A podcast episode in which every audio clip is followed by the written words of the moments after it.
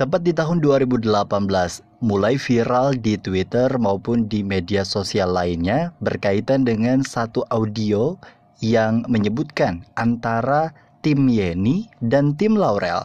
Kalau kalian mendengarkan audio ini, kira-kira kalian akan pilih yang mana?